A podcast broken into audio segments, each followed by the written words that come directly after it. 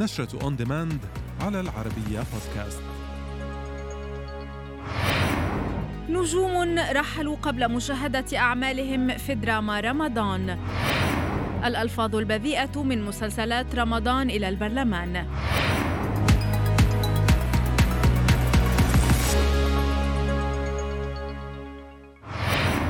رغم رحيل الكثير من نجوم الفن عن عالمنا إلا أنهم تركوا بصمة في دراما رمضان الحالي ومنهم الفنان الراحل يوسف شعبان في مسلسل ملوك الجدعنة وفي مسلسل نسل الأغراب. يظهر الفنان الراحل نور الشريف بعد سنوات من رحيله حيث ظهرت صورته على الحائط في إشارة إلى كونه والد الشخصية التي يقدمها أمير كرارة في المسلسل.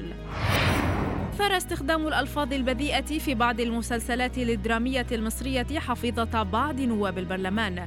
وطالب عضو مجلس النواب المصري هشام الجاهل بمعاقبة النجمين عمرو سعد ومصطفى شعبان وصناع مسلسل ملوك الجدعنة بسبب ادعاءات بتكرار ألفاظ بذيئة ومظاهر وصفت بأعمال البلطجة.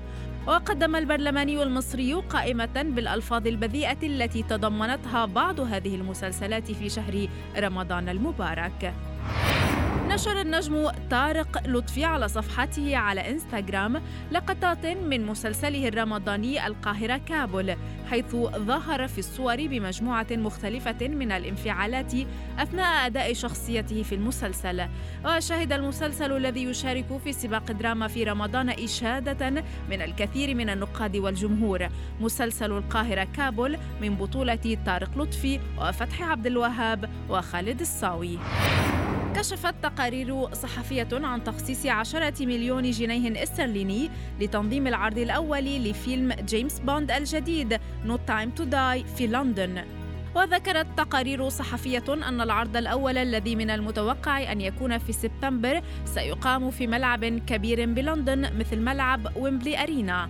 ويدور الفيلم الجديد حول حياة جيمس بوند الذي ترك الخدمة النشطة ليتمتع بحياة هادئة في جامايكا لكن هدوء حياته لم يدم طويلا يشارك في فيلم No Time to Die دانيال كريج للمرة الأخيرة والمصري رامي مالك Come on, Bond.